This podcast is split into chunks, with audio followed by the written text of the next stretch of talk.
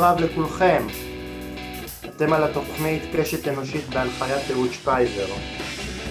תוכנית שעוסקת בחברה ומביאה אליכם את האורחים הכי מיוחדים אליכם לנייד. תוכנית חברתית חדה, בועטת וישירה, עם האורחים שמדברים על מה שמעניין אתכם. והיום בתוכנית מתארח אצלנו אורח. חשבתי שאני יודע הכל על מיניות ומגדר. חשבתי שראיתי כבר הכל. אחרי ששנים אני פוקד את מצעדי הגאווה והתחככתי בחברתם של אנשי קהילת הלהט"ב. מפגש אקראי עם האורח הבא הוכיח לי כמה יש לי עוד הרבה מה להחכים בנושא. בין היתר הוא מעידה על עצמו שחקר, שחקר הזהות שלו התחיל בביסקסואליות, לאחר מכן הזדהתה כלסבית, עד גיל 30 הבין שהיא אדם טרנסג'נדר ומולטי משיכתי, עם שני טורים קבועים בוויינט, הוא איש דעה שעוסק בתחום המגדר והמיניות וספציפית באקטיביזם ונראות למען הקהילה הטרנסית. הוא יועץ לחברות בנושא גיוון תעסוקתי, ו... תעסוקתי טרנסי וחורש את הארץ והעולם. זום נכון לעכשיו. בהרצאות, ארגונים, חברות ומוסדות חינוך, מבתי ספר ועד האקדמיה, שבהן הוא לוקח את הקהל אל העולם המין, המגדר, המוצנע והלא מדובר. מי שמקשיב לה יוצא עם המון תובנות, וגם אני. אני שמח לארח בתוכנית את שירלי שרלי. שלום לך. היי. מה שלומנו? קסום, מה שלומך, אהוד? בסדר, שלומי גם כן קסום. אה, נעים לארח אותך. נעים להתארח. Hmm. אז שירלי, בואי תספר לבורים שבינינו מה ההגדרה המדויקת למונח טרנסג'נדר. אוקיי. Okay. אז uh, בעצם המונח טרנסג'נדר אומר uh, שזו קשת של זהויות, זאת אומרת מגוון זהויות, של אנשים שהזהות המגדרית שלהם לא תואמת את המין שבו הם סומנו בלידה. למי שקצת פחות uh, מבין במין ומגדר, אני אתן שנייה כזה את הבסיס. מין הוא עניין ביולוגי, uh, כשתינוק תינוקת נולדים, הם יכולים להיות מסומנים כזכר או נקבה או אינטרסקס, שזה אדם שסממני המין שלו לא מוגדרים, אה, מין נקבע על ידי אברי מין, בלוטות גונדיות, אשכים, שחלות, כרומוזומים, הורמונים וסממני מין משניים, כמו אה, אה, צורת גוף, שיער גוף, אה, כל מיני דברים שרואים בדרך כלל רק אחרי גיל ההתבגרות. ומגדר אה, הוא בעצם אה, של מין וגדר, זאת אומרת התפיסות החברתיות וההגדרה העצמית שלנו אה, מבחינת אה, מי אנחנו בהתאם או שלא בהתאם למין שבו סומנו בלידה. אז אנשים שיש תאימות בין המין שסומנו בו בלידה לבין איך שהם מגדירים את עצמם, לצורך העניין אדם שסומן זכר ורואה את עצמו כגבר או, או נער או ילד, אז הוא סיס ג'נדר, סיס זה דומה בלטינית, או אדם שסומן בלידה כנקבה ורואה את עצמה כאישה או בחורה או בת או ילדה, אז היא סיס ג'נדרית, ואדם שסומן בלידה באיזשהו סימון לא משנה ולא רואה את עצמו משוייך לסימון הזה מגדרית הוא טרנסג'נדר.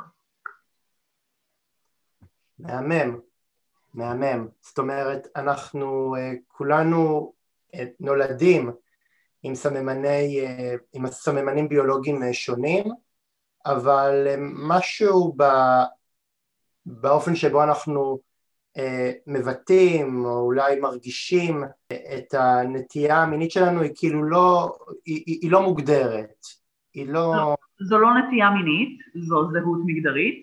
Uh-huh. נטייה מינית, אני אסביר את ההבדל. נטייה מינית זה מי אנחנו לעומת אדם אחר, זאת אומרת למי אנחנו נמשכים. זהות מגדרית היא איך אנחנו תופסים את עצמנו. מי אני כפי שאני תופס אותי. וזה קודם כל בתפיסה וזה יכול לבוא גם לידי ביטוי חיצוני. זאת אומרת, איך אני מתלבש, איך אני מדבר על עצמי, אם אני עושה איזה שהם שינויים בגוף שלי או לא, וכו'. שירלי, כן. לנעורים שלך, מתי התברר לך לראשונה שאתה טרנסג'נדר?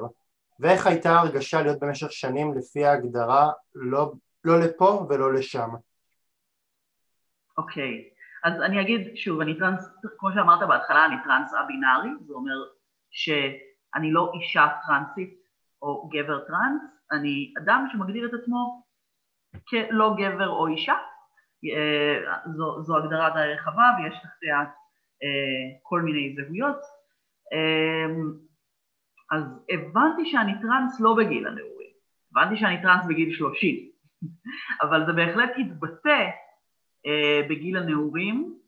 לצורך העניין, אחד ה, אחת השאיפות החלומות שלי בגיל הנעורים הייתה להיות אברך, נער ישיבה.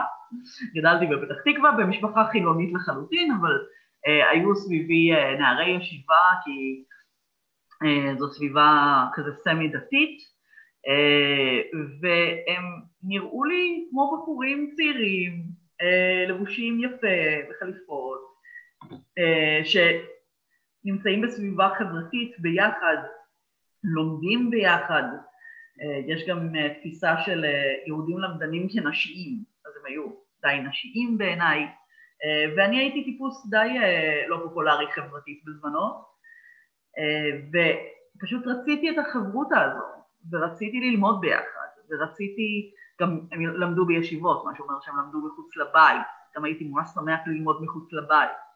אז כל העניין המגדרי והעניין החברתי מאוד מאוד קסם לי. אה, אני חושבת שאני אני, אני יכול להגיד שאני שומע מהרבה אנשים טרנסג'נדרים שהסממנים הראשוניים לביטוי מגדרי אה, לא תואם את המין, נגיד למשל אה, ללכת, נגיד אם את אישה טרנסית, אז סביר להניח שבגיל 4-5 כבר הלכת לחדר של אימא שלך ומדדת שמלות בהחבא, כן? לא בהכרח עשית את זה כי ידעת מה זה טרנסית, אבל נהנית מזה, היה לך fun, כן? אז אצלי, אני חושבת שבגלל שהזהות שלי היא א-בינארית, אז היכולת להיטמע חברתית הייתה קצת יותר גמישה, ולכן גם ההבנה שאני טראנס הגיעה בגיל טיפה יותר מאוחר, אבל אה, על פניו אני אה, נמשכתי ל, ל, לכל מיני עיסוקים שאפשר לקרוא להם של בנים ושל בנות, לצורך העניין אה, לא יודעת, אה, אה, החלפתי מכתביות וטיפסתי על עצים, אבל כאילו, אני גם לא חושבת שזה בהכרח משהו מחייב, זאת אומרת, גם לאנשים סיסג'נדרים, לבנות יכולות להיות תחביבים של בנים לכאורה, ולבנים יכולים להיות תחביבים של בנות לכאורה. ואין בזה, ואין בזה פסול, אני לא מבין מה, למה החברה חייבת או תמיד מוכרחה להכתיב אה, את הנורמות המיניות כבר מגיל נורא נורא נורא צעיר. ילד גדל והוא אוהב לשחק עם בובות. גם אני, דרך אגב גם אני בתור ילד מאוד מאוד אהבתי לשחק עם, אה, עם בובות. מהמם. אוהב לשחק עם בובות, לא, לא אוהב לשחק עם דגמים של Power Rangers ושל סופרמן ו, וכל הזמן uh, משחק עם מכוניות, אוהב בובות, מה, מה הבגרש מכל הסיפור הזה? בדיוק. כן, זה, זה קצת uh, עושה לאנשים חוסר סדר, וזה בעיקר גם, uh, זה, יש לזה רבדים שלמים של התייחסות. זאת אומרת, אם לא היו משווקים uh, בובות uh, של חיילים לבנים, אז, לא, אז חברות צעצועים לא היו מרוויחות כסף והצבא לא היה מרוויח חיילים, לצורך העניין. אבל זה מה שיפה, זה, זה מה שיפה שילד, כל העניין אה, ש...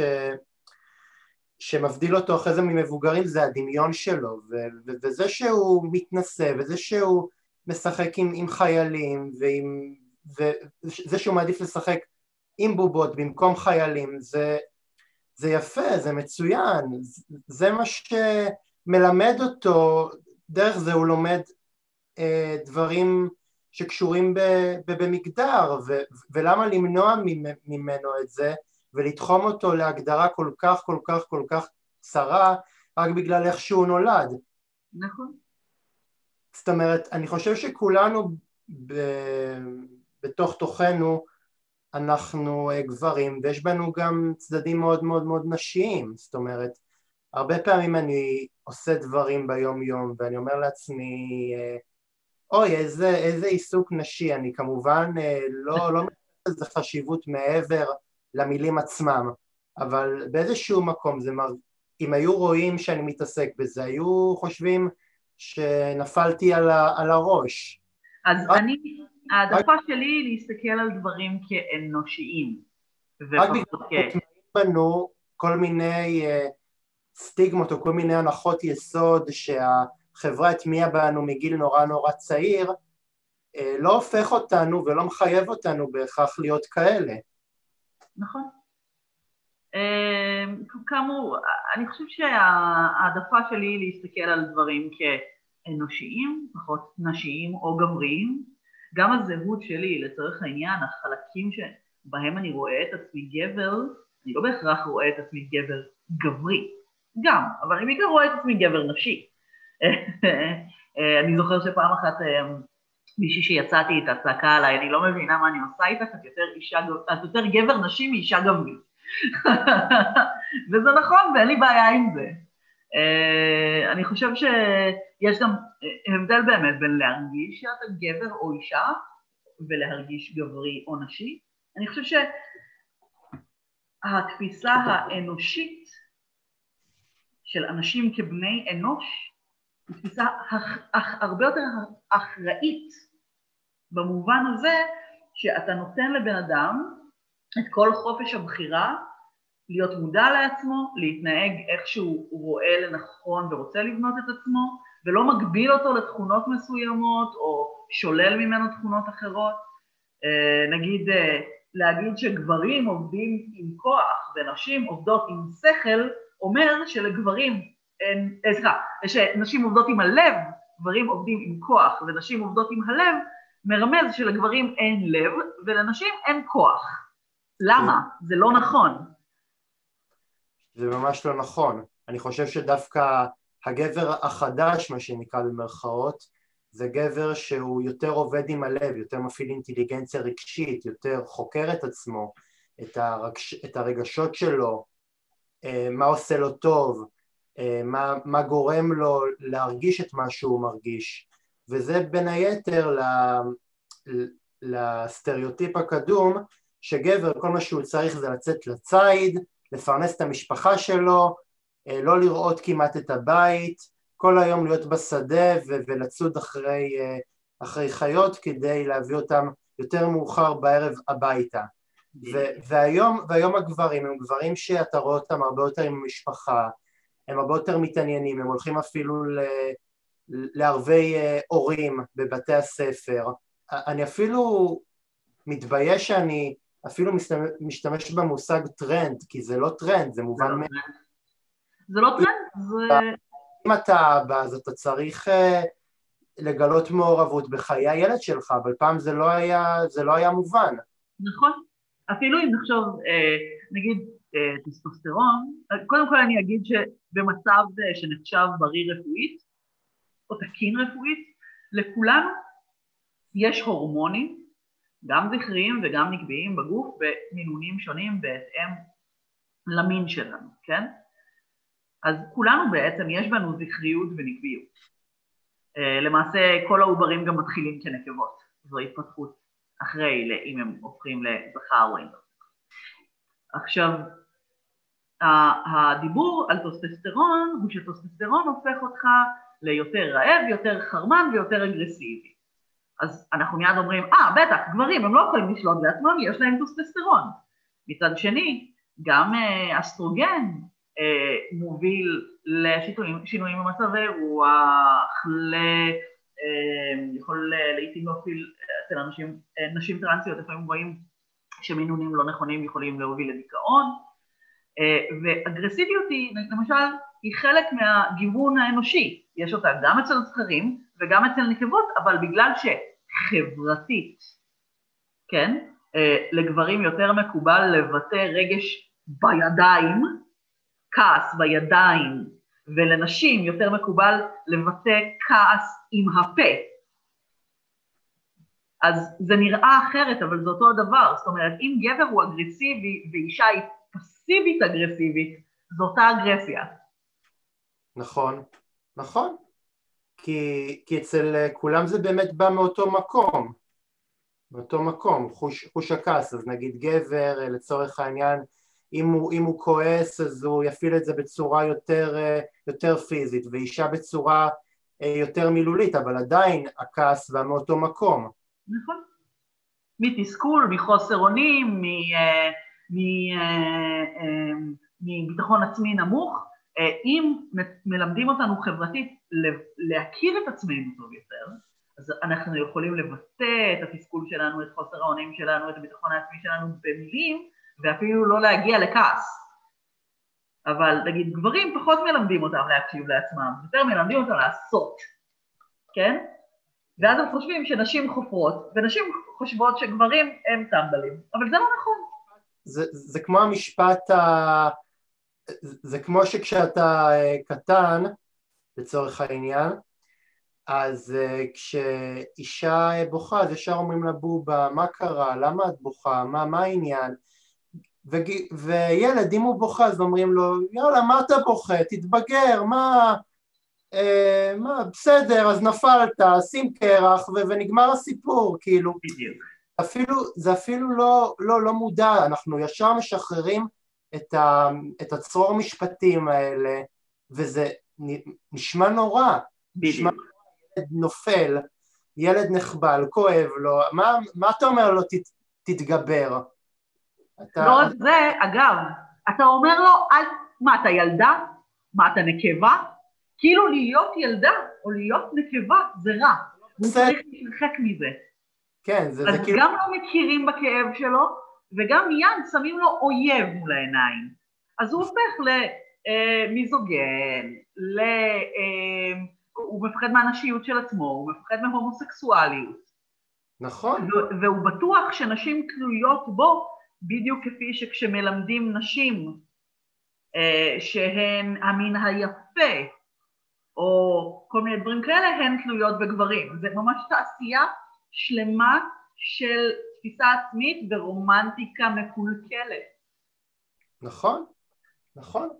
וזה גם למה אחרי זה אנשים גדלים עם, אה, עם תפיסות אה, מין, מין לא נכונות ואפילו, אה, ואפילו מקולקלות, כי, כי גבר אחרי זה חושב שהוא, שיוצא לעולם הפנויים פנויות, כמו, כאילו הוא יוצא לציד, והצליח של הגברים זה נו, דפקת אותה, אה, אה, אני לא רוצה להשתמש בביטוי... זה בסדר, כולנו מכירים לצערנו. כולנו מכירים את זה, אני, יאללה, צדת אותה, דפקת אותה, כאילו ישר, ה, ישר המטאפורות הם כלי זין, כאילו כלי תחמושת, כאילו כן. אפילו לא נתנו לנו זמן לעשות טרנספורמציה מהעולם של הציד, של החימוש, של הקרב, לעולם הרומנטי. כן, כי בן אדם, גבר, לא מלמדים גבר להקשיב לעצמו, זה להגיד שהוא לגיטימי בעיני עצמו. אז הוא בטח לא יקשיב לבן אדם שמולו, גם אם הוא גבר וגם אם הוא אישה. בגלל זה גברים לא מדברים ולא חולקים דברים רגשיים ביניהם. עשיתי כתבה ל-ynet על מעגלי גברים, והדברים ששמעתי שם היו מטורפים. כאילו, אנשים, הגברים לא, הם לא, הם מבזבזים את הזמן שלהם ביחד בשיחות אה, אגביות אה, מטופשות על אה, מין וספורט. לא שאני לא אוהב מין וספורט, כן? אני ממש סבבה עם זה, אבל הם לא באמת פתוחים רגשית. והם לא מאמינים שמה ש... חוויות החיים שלהם לגיטימיות, בדיוק בגלל מה שאמרת. כי כשהם נפלו, אמרו להם תתגבר, ואז הם מגיעים למעגל גברים, שזה מפגש של גברים שמדברים על הרגשות שלהם או על המיניות שלהם, מה שזה לא יהיה הנושא של המעגל, ויש לו מדריך. והם שומעים גבר אחר מדבר על, נגיד, על משהו שקרה לו אתמול, ואומרים, וואו, קודם כל זה מעניין אותי. שנית, האנשים האחרים במעגל מקשיבים לו. ושלישית, אני מזדהה איתו, מה שאומר שאם מה שהוא אומר מעניין, אז גם מה שאני עובר מעניין. כן. וזה מטורף כמה לא מנחילים את זה לגברים. לדעתי, אם היה אפשר להוסיף לספר החוקים עבירה, עבירה פלילית, הייתי, הייתי רוצה ש, שפשוט יעצרו כל בן אדם ש, שפשוט מחנך ילדים לתפיסה, לתפיסה הזאת של כאילו אתה גבר, לך תשחק בטנקים, את אישה, לכי תלבשי שמלות ו... ותשחקי בבובות ותלבשי כל היום צבע ורוד, זאת אומרת לעצור פיזית גננות ו- ו- ומורים שמחנכים ילדים לתפיסה הזאת. מה זאת אומרת? מה זה גננות ומורים? הורים, חברות פרסום, חברות מסחריות, אה, מורים, גננות, כאילו 99.9% מהאוכלוסייה. הפטריארכיה, במלוא מובן המילה, במובן הרחב של המילה. ממש. את יודעת, צ'ארלי, כשראיתי אותך בתוכנית של אה, רוני קובן, חשבתי לעצמי, רגע, היא צודק במובן מסוים. גם אני בתור גבר מרגיש שיש בי קצת מהנשיות וקצת מהגבריות. למה את חושבת שכחברה כל כך קשה לנו לחיות בלי הדיכוטומיה המגדרית שמפרידה אותנו רק לשני מינים? אוקיי, okay, אז, אז אני אגיד אה, בעצם בהרחבה, קודם כל אני אציין שכשאתה אומר חברה, אתה מתכוון החברה המערבית שאנחנו mm-hmm. חיים בה כיום. כן. למה אני אומר את זה? מכיוון שבחברות אה, שאינן מערביות, וגם בחברות שנחשבות היום מערביות, יש המון אה, הכרה ואפילו כבוד לאנשים בגיוון מגדרי. טרנסג'נדרים, הבינאריים, אה, למשל, זה ממש בכל העולם, למשל פוד אה, ספיריט באמריקה אה, ובניו זילנד ובאוסטרליה, היג'רות בהודו, גם בתרבות המוסלמית, בטורקיה, באיטליה, פמיניאלי, יש, ממש יש לי גם, אם תרצה אחר כך לצרף, יש לי מפה אינטראקטיבית של משהו כמו 60 תרבויות ברחבי העולם שיש בהן הכרה וכבוד ומקום לאנשים בגיוון מגדרי, אוקיי? עכשיו, גם התרבויות האלה בחלקן אה, סובלות מהקולוניאליזם או האירופוצנטריות הזו, כי הגיע אליהם, הגיעו אליהם אוונגליסטים נוצרים וחירבו המון המון דברים שהיו ייחודיים וטובים בתרבויות האלה מבחינה מגדרית. או לחילופין, כאילו כובשים, כן? נגיד כובשים, כובשים בריטים אה, באמריקה, כן? עכשיו, עוד משהו שקשור באמת להיסטוריה, אז אם תחשוב על אה, ביטוי עצמי, למשל פאות, במצרים העתיקה גם גברים וגם נשים חבשו את אותם פאות, הם גם נקברו באותו פאר והדר אם היה להם זאת אומרת, אם היית גבר, לא הייתה בעיה שתהיה עם בלינג, כן? שתראה את הזהב שלך או משהו. אה, אחר כך, נגיד, אה, נעלי עקב.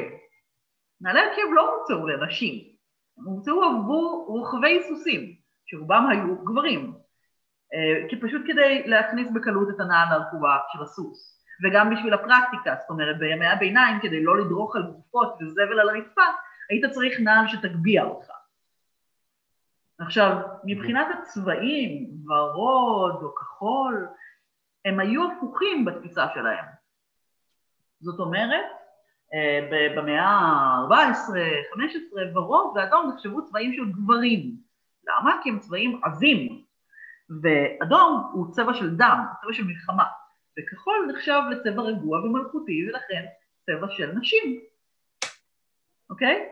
וגם מבחינת אה, מכוחים, איפור, פאות, אתה יכול בוודאי לדמיין אה, אציל אירופאי. בכלל נחשב לדרך אה, שבה בני האצולה הבדילו את עצמם מה, מהעובד הפשוט, כי העובד הפשוט הוא, הוא מזיע, הוא כחוש, הוא, הוא אה, נשזף באור השמש, ו, והם לא רצו להיות כמו הפועל הפשוט, אז הם שמו איפור. בדיוק. בדיוק, הם היו לבנים יותר מהעובד הפשוט, הם היו מהודרים יותר, אם, אם היה להם מכוך אז אה, הוא הגביה אותם, הוא הזקיף אותם, וגם נעלי העקב הגביהו אותם, ואם גבר היה מסתובב ככה היום אה, ברחוב, היו חושבים במקרה הטוב שהוא שחקן, ובמקרה הפחות טוב אה, שהוא לא שפוי. אז זה, זה לחלוטין עניין של היסטוריה ותרבות וגיאוגרפיה. אז מגדר, ההסתכלות על מגדר והביטוי של מגדר הם דברים גמישים מאוד. אמ, עכשיו, ברור לי שאנחנו כבני אדם אה, מסתדרים עם תבניות כי קוגנטיבית, שיש לך, ככל שיש לך יותר ידע אתה צריך לסדר אותו יותר, כן? אבל חשוב להבין שהדברים האלה משרתים צרכים של גורמים שהם מעלינו כהדיוטות. זאת אומרת, נגיד אם אה, יש לך, אה, נולדה לך בת ואתה הולך לקנות לה צעצוע והצעצוע שלה הוא ורוד ואתה רוצה, אה, ואתה קונה את הצעצוע ואז שנתיים אחרי זה נולד לך בן. חברתית לא מקובל להביא לו את הצעצוע הוורוד, נכון? אז תלך ותקנה עוד צעצוע של אותה חברה שמתאים לבנים, כן? לצורך העניין. או יש, אני לא זוכר של מי הציטוט הזה, אבל מישהו אמר פעם שוולט דיסני הוא האיש המסוכן ביותר בעולם. וזה נכון, כי ההבניה, כאילו לא בהכרח המסוכן ביותר בעולם, הוא גם עושה המון המון נזק. ההבניה החברתית של איך רומנטיקה אמורה לעבוד, מי אמור לחזר אחרי מי, שהעובדה שרשעים בסרטים של דיסני הם תמיד queer coded, תמיד יש בהם משהו נשי, או לחילופין משהו, אה, נגיד אה, אורסולה, דיבת הים הקטנה, היא מבוססת גם על מלכת דרד בשם דיוויין, וגם סיפור הרקע שלה הוא סיפור רקע טרנסג'נדרי. היא הייתה אישה, והיא הפכה למעין מכשפה משנת צורה שמשפחתה התנכלה לה והפכה לרעה. סקאר נשי, ג'פר נשי, זה, הם עושים את זה אבל גם לא רק בקטע מגדרי, הם עושים את זה גם בקטע פיזי. תמיד תהיה איזה צלקת, תמיד תהיה איזשהו, איזשהו סממן פיזי שנחשב חברתית לא שלם. אז יש גם אה, אפליה נגד אנשים במצבים פיזיים שונים וגם אפליה מגדרית. וגם כל העניין הזה של אה, לכבוש נשים, או נשים שמתעלפות מהנסיך ומחכות לו, כל מיני דברים כאלה, זה, זו תרבות שלמה שמכניסה לאנשים לראש שככה דברים אמורים להתנהל, שזה ממש לא בהכרח ככה. צ'רלי, איזה תהליך של קבלה אדם טרנסג'נדר צריך לעבור בחברה מאוד סיסג'נדרית שבה נורא נוטים לחלק אדם לפי קריטריונים של מין? קודם כל אני מתנגד למילה קבלה. אני אסביר. מבחינתי, כאשר אדם נולד, הוא יתקבל. הוא יתקבל מעצם היותו, אוקיי? אז לא קבלה ולא הכלה. מה שהמילה שהיא כן אה, חשובה כאן היא הכללה. לא הכלה, הכללה. אני אסביר. לצורך העניין בגן הילדים, גיוון, גיוון, אני, אני אגיד ככה, גיוון חברתי הוא עובדה קיימת. יש אנשים מכל מיני סוגים, אוקיי? לא רק מגדרית, מכל מיני סוגים, מכל מיני תרבויות. עכשיו, בגן, לצורך העניין, יש ילדים ש... מכל מיני אה, סוגים, מכל מיני אה, ביטויים, מכל מיני whatever. עכשיו, הם קיימים, זו עובדה קיימת. אבל כשמשחקים אפשר להכליל אותם במשחק, או לא להכליל אותם במשחק. וזה העניין החברתי. העניין הוא לא קבלה חברתית, אלא לעזור לאנשים להיות חלק מהמשחק של החיים. You know? לתת לכל אדם לראות אותו ולתת לו לתרום חברתית ולהתערם חברתית לפי הצרכים והיכולות שלו. וזה עניין חברתי, זה גם עניין פרסונלי, וזה גם עניין חברתי.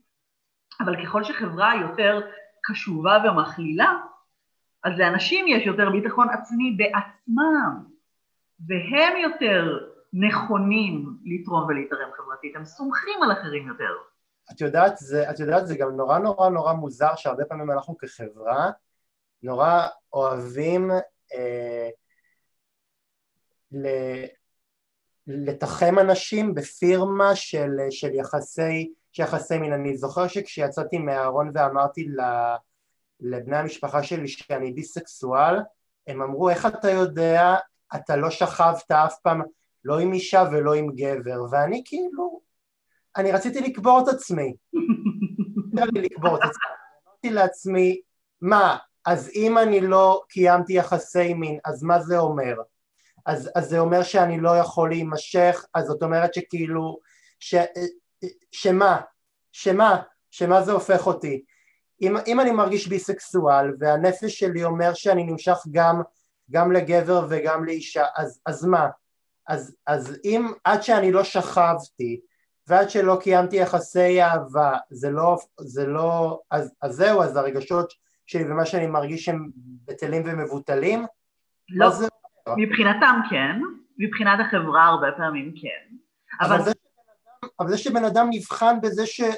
ואם הוא קיים יחסי מין עם, עם, עם נשים או עם גברים, זה, למה זה הופך אותו? אז יש נשים שקיימו יחסי מין עם גבר, ואפילו יותר מגבר אחד, והן מרגישות ש, שהן לא, שלא הייתה משיכה, ו, והן חושבות שאם, שאם היא תכניס אישה למיטה, זה יהיה הרבה יותר uh, נעים ונוח, אז מה? אז, אז, מה זה, אז מה זה הופך אותי כבן אדם, זה שלא הייתי עם גבר ולא... Uh, ולא התעלסתי איתו, אז, אז מה זה אומר? זה, זה, זה מאוד נכון מה שאתה אומר. אנשים, אה, תראה, קודם כל דיברנו על פרדיגמות. אם היית אומר, בוא, בוא נגיד את זה ככה, אם היית הטרוסקסואל, אם היית נמשך רק לנשים, לא היית צריך אפילו להצהיר על זה, לא היית צריך להגיד את זה. בגלל זה אני לא אוהב את המונח יציאה מהארון. כי כשגבר אומר, אני אוהב בת, הוא לא יוצא מהארון, הוא עושה בדיוק מה שהחברה מצפה ממנו. כשגבר אומר אני אוהב בנות ובנים, או אני אוהב בנים, אז הוא כאילו חושף את עצמו, יש איזה סוד, יש לזה קונטקסט מאוד שלילי. למה הוא לא יכול פשוט לספר או לחלוק? עכשיו, ברגע שאתה עושה את מה שמצופה ממך חברתית, אף אחד לא מערער עליך. זאת אומרת, אם היית, אפילו אם היית אומר, אני אוהב בנות, כולם היו אומרים, אוקיי, אנחנו סומכים עליך, גם אם לא התנשקת עם בת וגם אם לא שכבת עם מישהי, זה, זה, נראה לי, זה נראה לנו טבעי, כן? או מתבקש. אבל הסיבה שפקפקו בך, מעבר לעובדה שאנשים ממש בטוחים שמעשה אומר בהכרח תחושה, כשלמעשה הם שני דברים נפרדים לחלוטין, יש הרבה דברים שאנחנו מרגישים ולא עושים, או חושבים ולא עושים. אז הרעיון כאן הוא העובדה שערערת את המערכת, כן? אמרת לאנשים משהו שהם, וזה עליהם, כן? לא עליך, שהם לא ציפו לו. ו, וכן, זה, זה, זה עצוב, וזה גורם לאנשים אה, אה, לשמור את המחשבות שלהם אה, לגבי עצמם, לעצמם, וחבל. בסופו של דבר, אבל הם... אה... הם אלה שיוצאים אה, מטופשים, כי בסופו של דבר, אה, הם בסופו של דבר אלה שצריכים להתמודד לבד עם חוסר הסבלנות וחוסר הקבלה שלהם. אני, אני זה שמרגיש שלם עם עצמי, והם בסוף נשארים עם, ה, עם, עם חוסר הקבלה שלהם, מטופ, טיפשים מטופשים, ובסופו של דבר הם אלה שאוכלים אותה, אני לא, אני לא אוכל אותה, אני מבחינתי זה... את המעשה המתבקש, השלמתי עם מי שאני, והוא זה שנשאר עם חוסר הקבלה, זה כבר לא שלי שאני מקבל את עצמי כמו שאני, זה שלו. זה מקסים בעיניי שככה אתה תופס את הסיטואציה בגלל שאתה שלם עם עצמך. הבעיה העיקרית היא שכשזאת תפיסה חברתית מקובלת, אז יש אנשים שהם לא אתה או אני, שקיבלו את עצמם מיד, או אה, אה, אהבו את עצמם מיד, או ראו את עצמם כלגיטימיים מיד, אלא יש המון ילדים ומבוגרים שחיים בבושה ובפחד ובמחשכים, וזה לא רק משפיע עליהם באופן אישי, זה משפיע על המיניות שלהם, וזה משפיע על הזוגיות שלהם. הם מפחדים אה, לבטא את עצמם, והם לא רגילים לבטא את עצמם, אז הם לא יודעים לנהל זוגיות עם תקשורת בריאה, והם לא יודעים לנהל מיניות עם תקשורת בריאה, והם מתפשרים ברמות שמזיקות להם. ואין להם גב משפחתי, אין להם עורף, לצורך העניין, אחוזי האובדנות והניסיונות האובדניים בקהילה הטרנסג'נדרית בישראל עומדים על 42 אחוז, אוקיי? עם תמיכה של המשפחה, האחוזים האלה יורדים ל-4 אחוז. זה מדהים כמה זה חשוב. זה מדהים כמה זה חשוב. אה, או לחילופין, אה, משהו כמו אה, 40 אחוז מהקהילה הטרנסית בארץ לא מועסקת כשכירה. האפליה הזאת לא נוצרת רק מזה שאנשים טרנסים לא מקבלים את עצמם, לא, זה לא, זו לא העובדה, זו אפליה בשטח שנוצרת מדעות של אנשים שנובעות מחוסר ידע, או לחילופין, מפחד מעצמם. אני אגיד לך דבר כזה, זה אחד הדברים שתמיד הכי הכי חשוב לי לומר. אנשים מפתחים פחד מאנשים אחרים בעיניי כמה סיבות. הסיבה הראשונה זה הפחד לאבד את המעמד שלך. אתה נמצא במעמד חברתי, לא משנה כמה הוא נמוך או גבוה, ברגע שיש שינוי במעמד החברתי, אתה תופס שאתה אישית עומד למות. כל שינוי הוא, בעצם פסיכולוגי סוג של מוות, כן? בגלל זה אנחנו צריכים לעבור תהליכי אבל, גם בדברים הכי טובים, גם אם עברנו עכשיו דירה לבית גדול ומאמן, אנחנו עדיין צריכים להתאבל על המקום שבו חיים, כן? ועזבנו, כן? אז גם כאן, אה, בחברה שהיא חברה היררכית, ובטח פטריארכלית, לאבד את המקום שלך בהיררכיה, לא משנה מהו, זה איום. זה איום על חייך. הדבר השני זה חוסר ידע. לפעמים אנחנו לא יודעים ולכן אנחנו לא מקבלים. חינוך הוא כלי ראשי אה, במיגור רתיעה או שנאה. הדבר השלישי, אנשים אומרים שאנחנו מפחדים ממה שלא דומה לנו, ואני אומר, לא, אנחנו מפחדים ממה שדומה לנו, ולא רק דומה לנו, מאיר בנו את החלקים שאנחנו מעדיפים לשמור בחושך. זה סופר קלאסי כשזה קורה מול ההורים שלנו.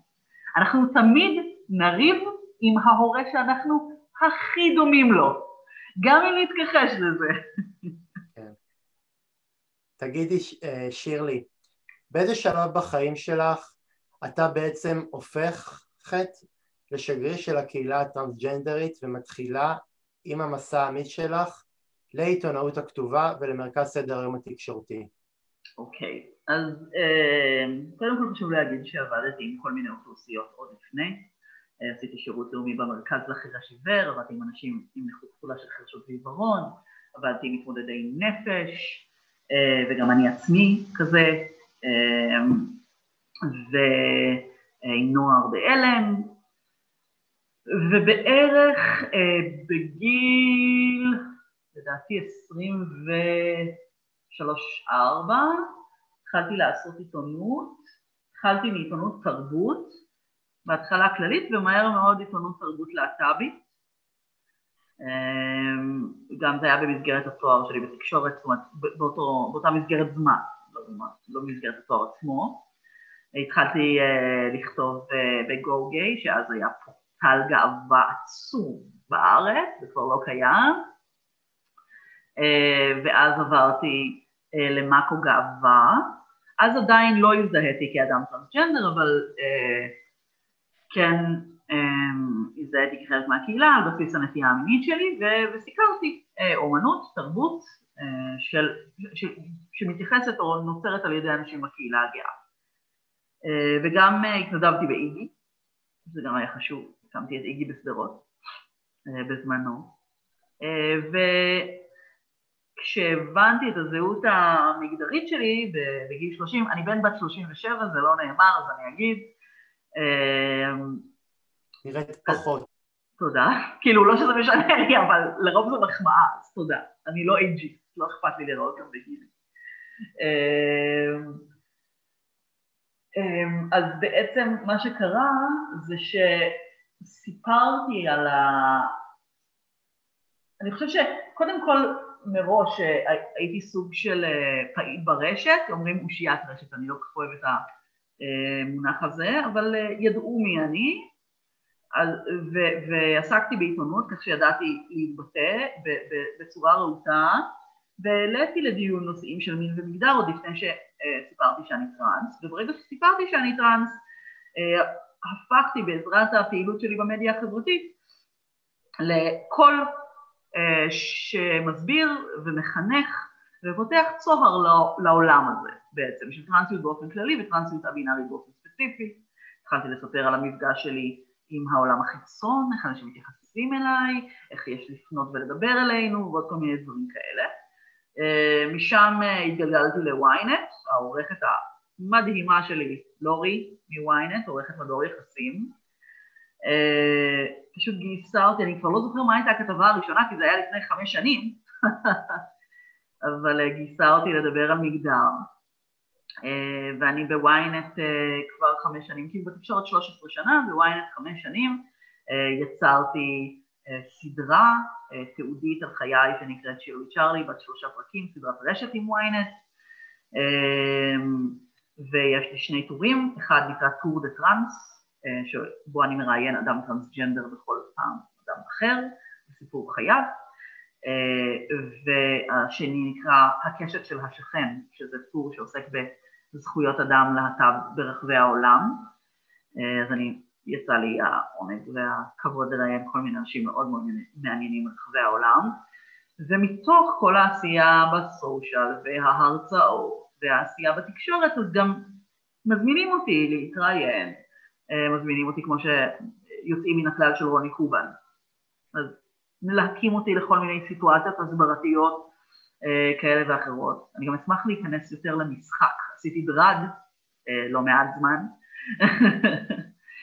ואני מת להיות הדמות הבינארית הראשונה בארץ. זה משהו שקרה כבר בחו"ל, אה, ועדיין לא קרה בארץ, ואני חלום שלי להיות האדם הזה. אז זו קריאה אני מגשת החוצה. אה, וזהו, פשוט, פשוט לב פתוח, פתיחות לגבי החיים שלי, רהיטות, רצון להסביר, ואני גם, נאמר לי שאני, שאני אינטליגנטי והומוריסטי. הומור פותח דלתות לאנשים, אם אתה ניגש אליהם עם נושא כבד, בצורה כבדה, פחות, פחות אה, יראו אה, אה, נכונות להקשיב לך. אבל אם אתה חביב ומחוייך, ואתה לכאורה לא מאיים עליהם, אז אה, הם, אה, הם יראו יותר נכונות. אז הומור זה גם חשוב. גם עשיתי קצת סטנדאפ בזמנו, אבל פחות, פחות כזה. אה, צ'רלי, תציב כן. בפני אדם סיסג'נדר כמוני את המציאות שלך, כפי שאת חווה אותה. באיזה תגובות את נתקלת ברחוב כשאת מספרת לאנשים שאת טרנסג'נדר? טוב, אז uh, אני רק אגיד שיש את המציאות שלי כאדם טרנס א-בינארי, ויש את המציאות של טרנסים בינאריים, נשים טרנסיות וגברים טרנסים, והמציאויות שלנו הן קצת שונות, אוקיי? אז קודם כל אני אעיד על עצמי שאני נתקל בעיקר בבלבול. אנשים לא יודעים אם אני בן או בת, ובצדק, אפילו להרצאה שלי קוראים, לא הבנתי, זה בן או בת, כי זו התגובה שאני בעיקר נתקל בה. אמ, אני למעשה במרכאות צריך לצאת מהארון בכל פעם שאני פוגש אדם חדש. אה, בעיקר גם בגלל לשם הקנייה שלי, כפי שהמאזינים ומאזינות כנראה אה, אה, שמעו עד כה, לשם הקנייה אלא היא מעורבת. אז אני צריך לומר זאת בין אם שואלים ובין אם לא שואלים. אגב, אין דבר יותר מנומס מלשאול אדם כשאתה לא בטוח מה המגדר שלו, מה לשון הפנייה שלו. ובכלל, תשאלו לשון פנייה.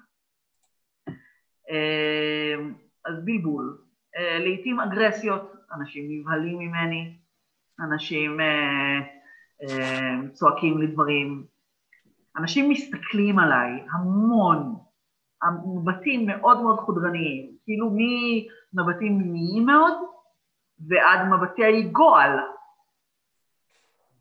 מאוד, מאוד נוגע בהם, ש, ש, שאני קיים.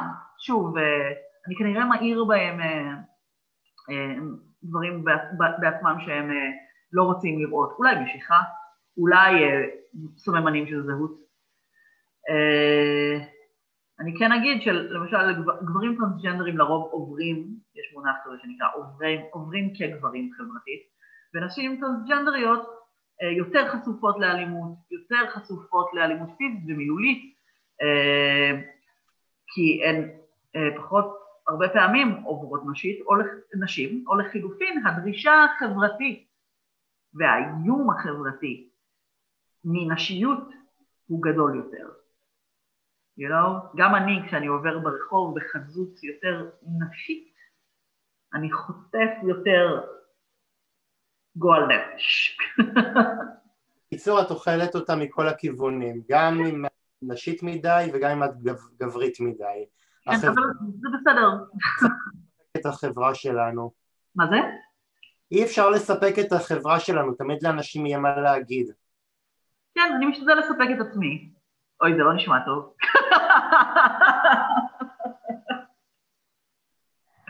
איך זה מרגיש לך כטרנסג'נדר אה, להרגיש שבאופן כמעט תמידי החברה כמעט תמיד קמה למחוק לך את הזהות? טוב, אני לא יכולה להגיד שזה נעים, כן?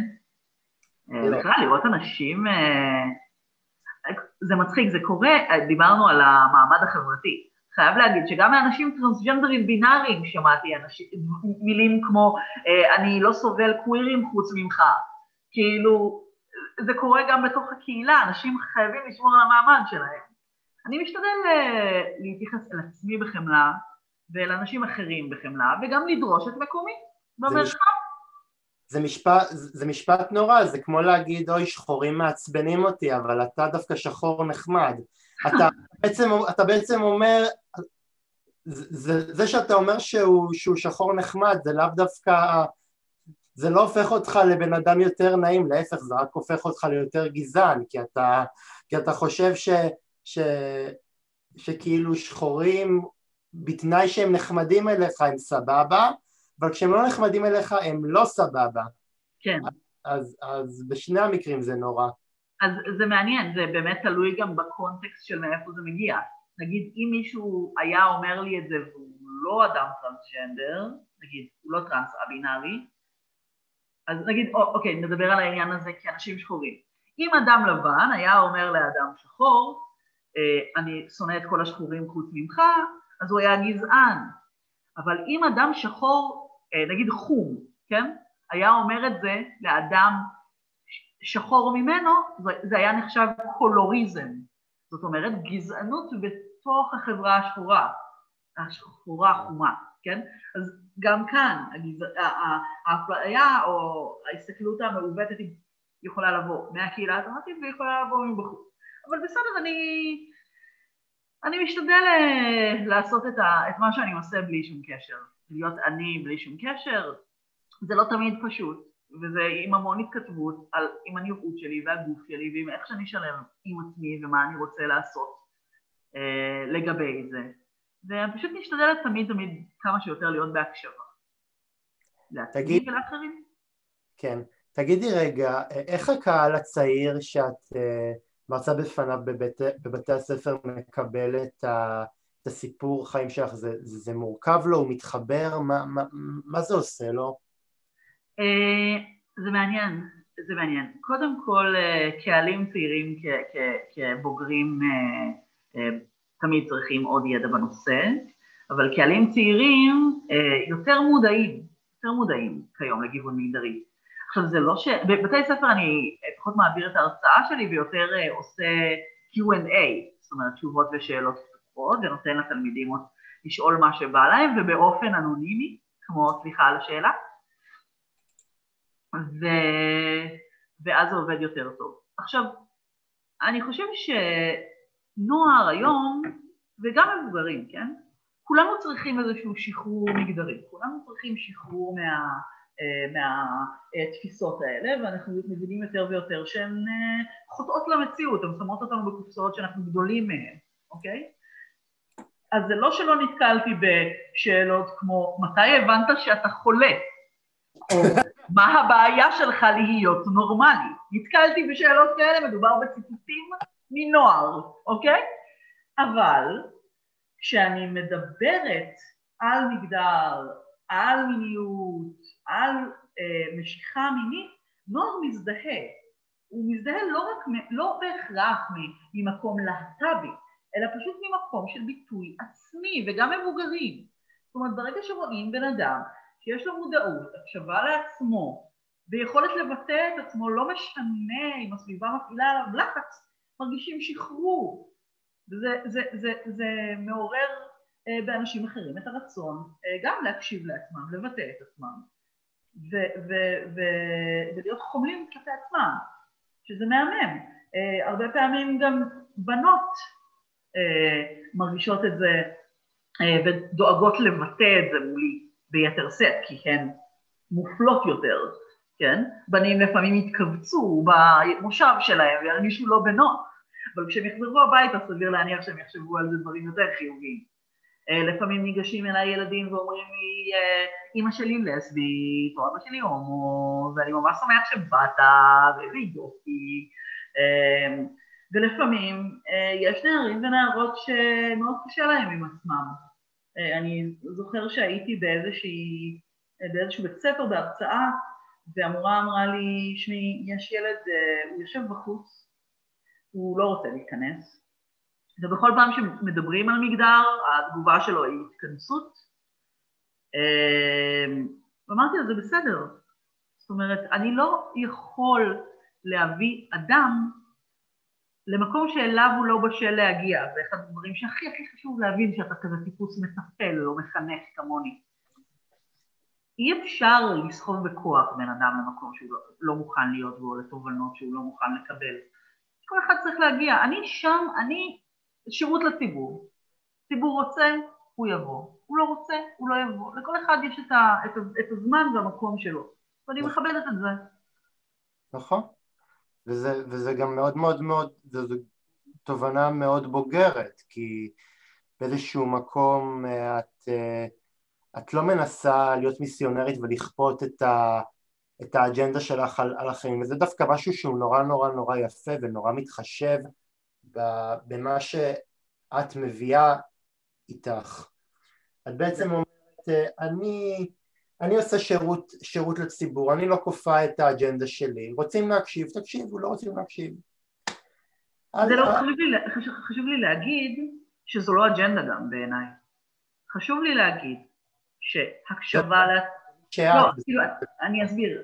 הקשבה לעצמי, הקשבה לאחרים, חמלה, וביטוי עצמי, הם בעיניי חיוניים לאנושיות ויוצרים חברה שבה אף אחד לא דוחף אג'נדה.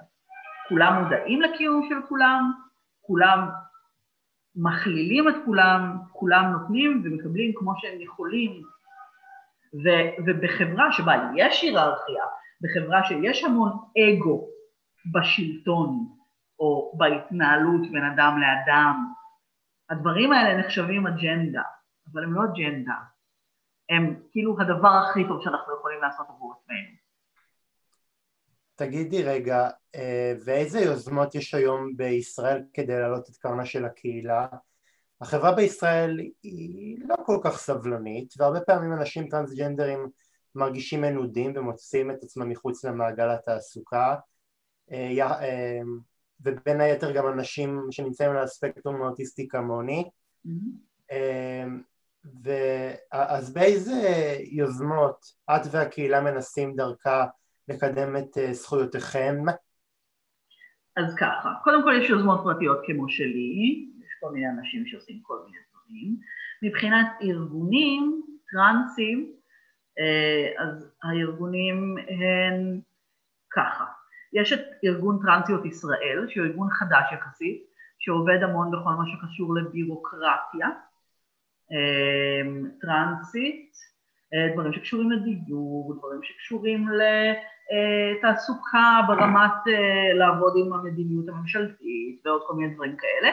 המקימה שלו, לינור אברג'יל, היא האישה הטרנסית הראשונה בכנסת, היא יועצת חיצונית אה, לכנסת, אז יש את טרנסיות ישראל, שהוא ארגון שהוקם על ידי טרנסיות ופועל בעיקר עבור טרנסיות, אה, כי טרנסיות צריכות את האחווה הטרנסית בשבילן, הוא גם מתעסק בעבודת מין או כל מיני דברים כאלה, אה, לעזור לנשים אה, שנמצאות בסיטואציה של עבודת מין, בעיקר ארגון מאוד מאוד לא שיפוטי. יש את פרויקט גילה להעצמה טרנסית, שגם יש לו מגוון תוכניות שקשורות מלא מתוכניות מנטורינג ועד סיוע למיצוי זכויות. יש את מעברים, שהוא גם ארגון עם עשייה מאוד מאוד מגוונת, שמציע המון המון מידע ועוזר במיצוי זכויות. יש למעברים גם קבוצה בפייסבוק שנקראת זכויות טראנס כמילה אחת, שם אפשר לקבל המון המון ידע מתוך הקהילה ולפעול במיצוי זכויות ולהתייעץ.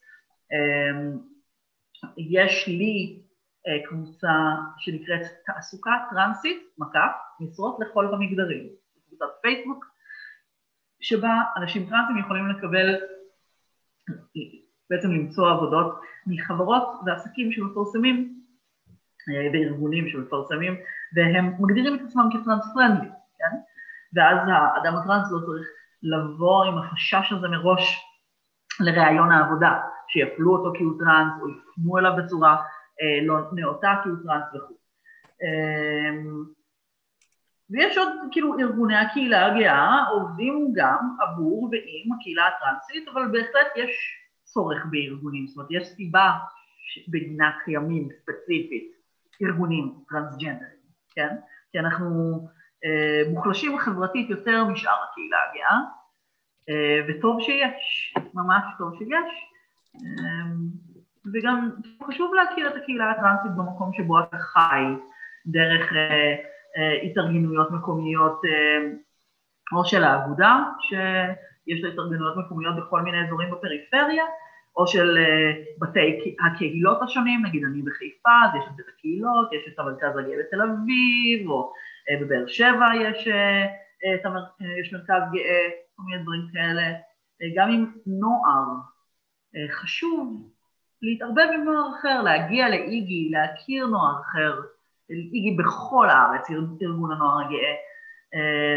זה, זה, זה, זה, זה מפיג את הבושה והחרדה והאשמה שהחברה ההטרוסקסואלית והסיסג'נדרית הרבה פעמים יוצרת. חשוב מאוד להכיר, להכיר את המקום שאתה, שאתה שייך אליו, זה גם מוריד להט"בופוביה מופנמת, מה שנקרא שנאה עצמית. שירלי, את, את לא תאמיני, אבל אנחנו ממש לקראת סיום. לא נכון. אז זה כן נכון. אז, האמת היא שהזמן עבר מאוד מאוד מאוד מהר, וזה גם מאוד מאוד מעניין. מעניין להקשיב לה לסיפור, אני ממש לא רציתי להפסיק אותך, וזה ממש ממש ממש עניין אותי להקשיב, כי אני בעוונותיי לא כל כך נחשפתי לקהילה הטרנסג'נדרית, ואת בין היתר הבן אדם, נראה לי הטרנסג'נדר הראשון שאני בעצם פוגש face to face, אז, אז, אז, אז תורידי בפנייך את הכובע. מרגש. רציתי, רציתי לשאול, מהם הכלים שאפשר בעזרתם אה, לבטל אה, את הפסיכה מעל האנשים הבינאריים?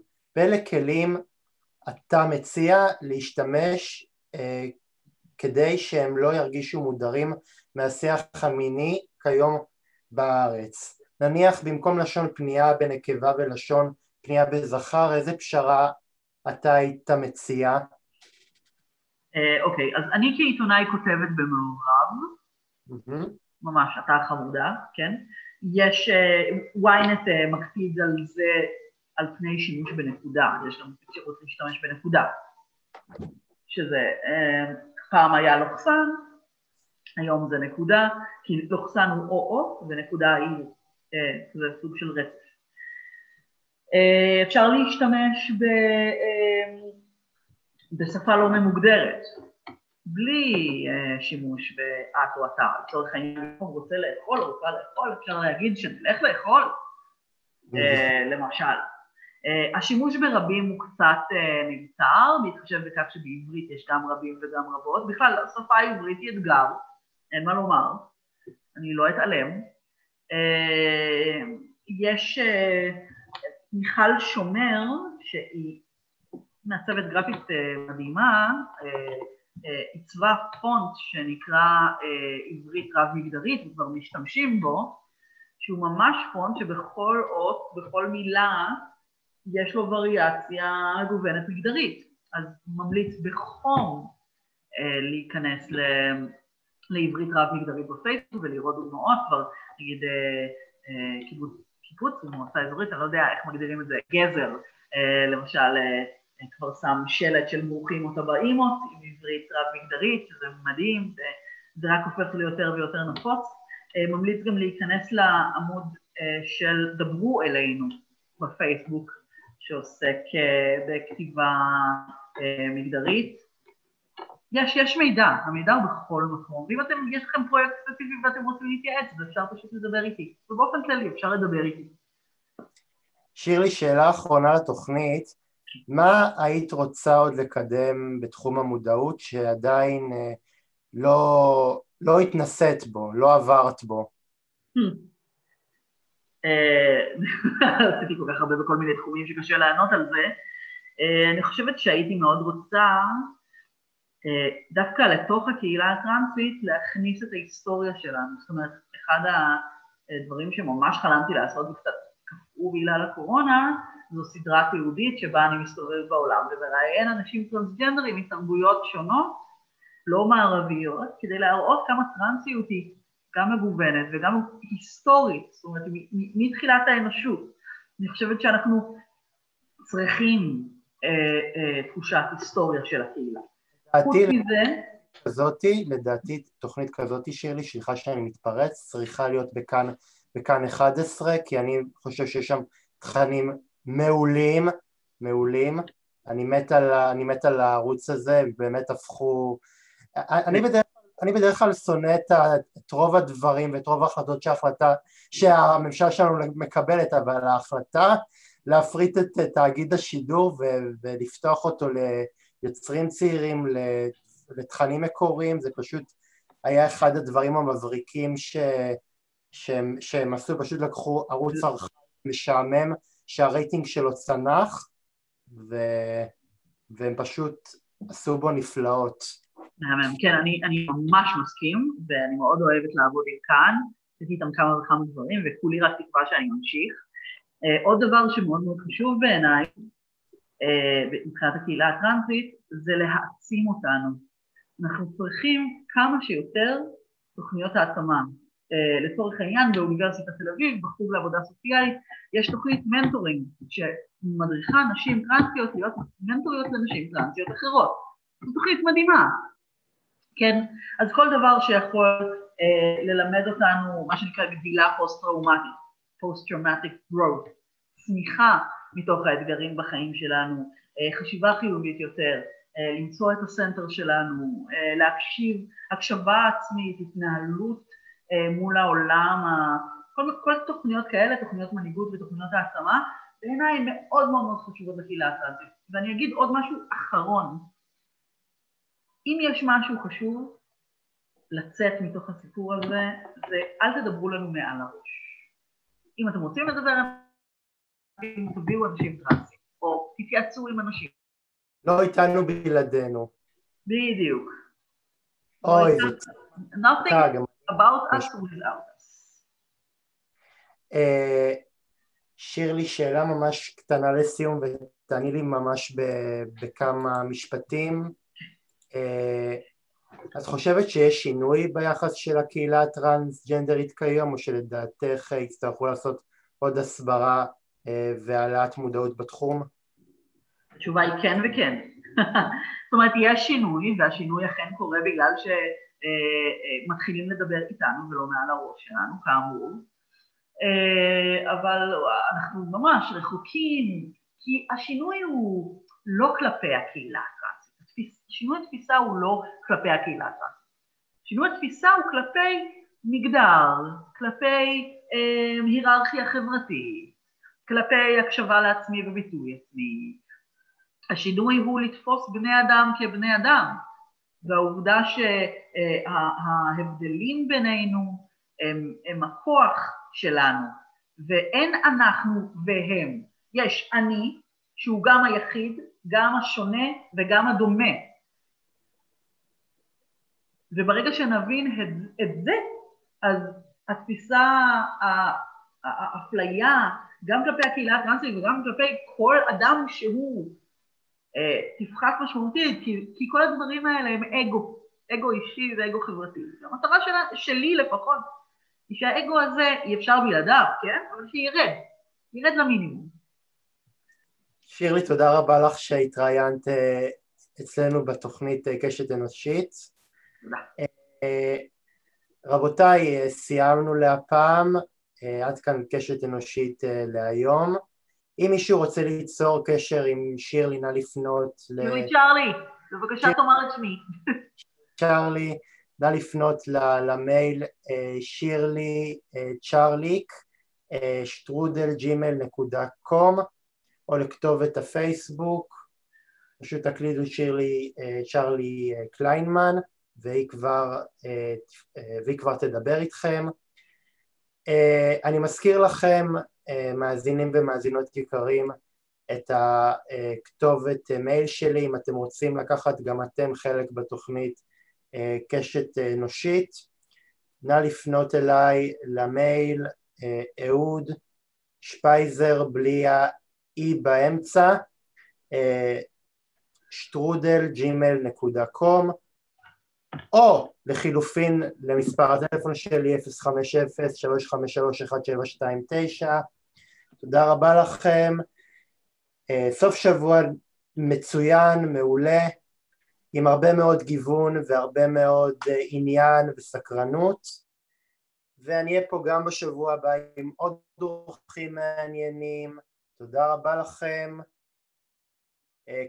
קרדיטים, עריכה ומוזיקה בעיבוב ובהפקה של התוכנית ניר אושנר, תודה רבה לכם וסוף שבוע מצוין Thank you.